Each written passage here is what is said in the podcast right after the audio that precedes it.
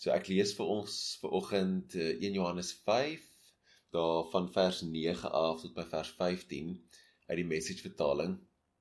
En dan gaan ons 'n lectio divina doen na dit. So terwyl ek lees, moet jy uitluister vir 'n woord of 'n frase wat vir jou uitstaan, iets wat jou hart aangryp, iets wat jy wil oordink of voel dat jy ehm um, die Here jou na uitnooi. Kom ek lees vir ons. If we take human testimony at face value, how much more should be we be reassured when God gives testimony as he does here, testifying concerning his son. Whoever believes in the Son of God inwardly confirms God's testimony. Whoever refuses to believe, in effect, calls God a liar, refusing to believe God's own testimony regarding his Son. This is the testimony in essence. God gave us eternal life. The life is in his Son. So whoever has the Son has life. Whoever rejects the Son rejects life. My purpose in writing is simply this that you believe in God's Son that you who believe in God's Son will know beyond the shadow of a doubt that you have eternal life, the reality and not the illusion, and how bold and free we then become in His presence, freely asking according to His will, sure that He is listening. And if we were confident that He's listening, we know that what we've asked for is as good as ours.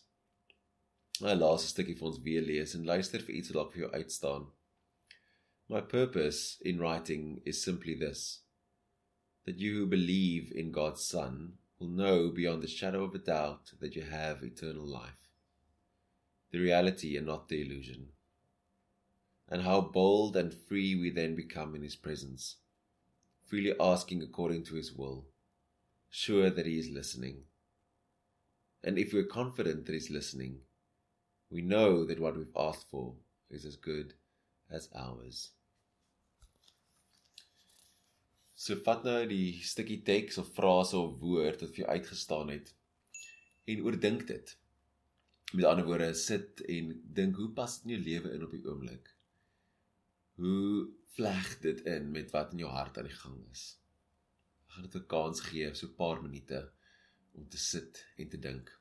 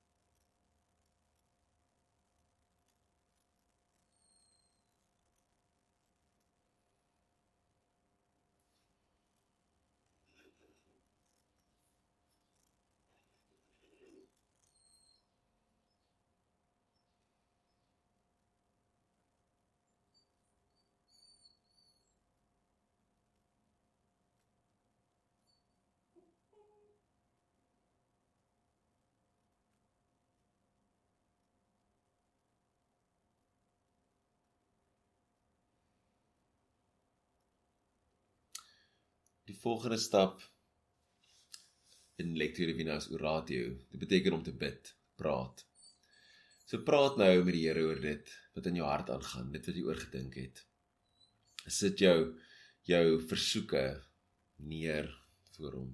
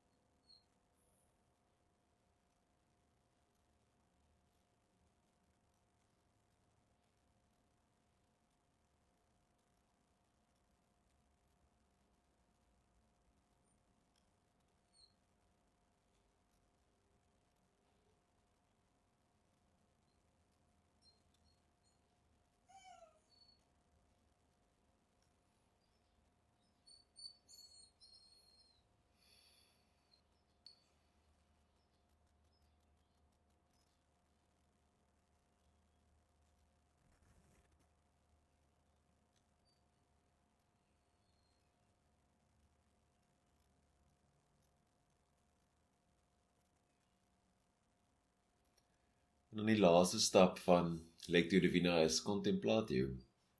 Dis bloot om om te rus by die Here. Om te rus by hom en ook te luister, te luister na dit wat hy jou na toe uitnooi. vir dalk veral na die aksie wat jy na toe uitnooi. Wat is dit wat jy moet doen? Of jy kan bloot net by hom sit en by hom wees. Ons sit saam net vir so 'n minuut of twee.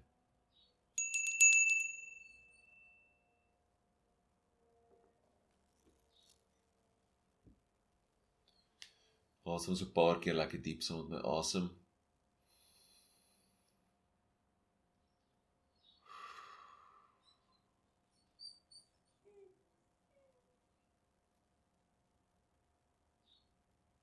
Nog 'n keer lekker diep.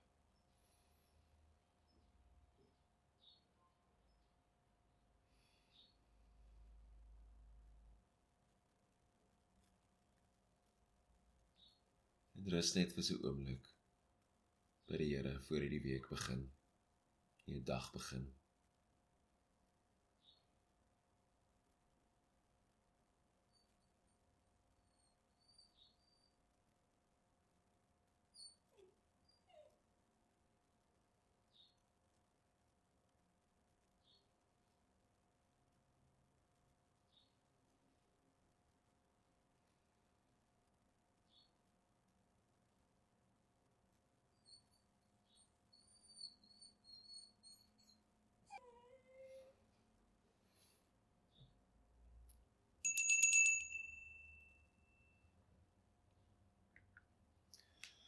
Amen.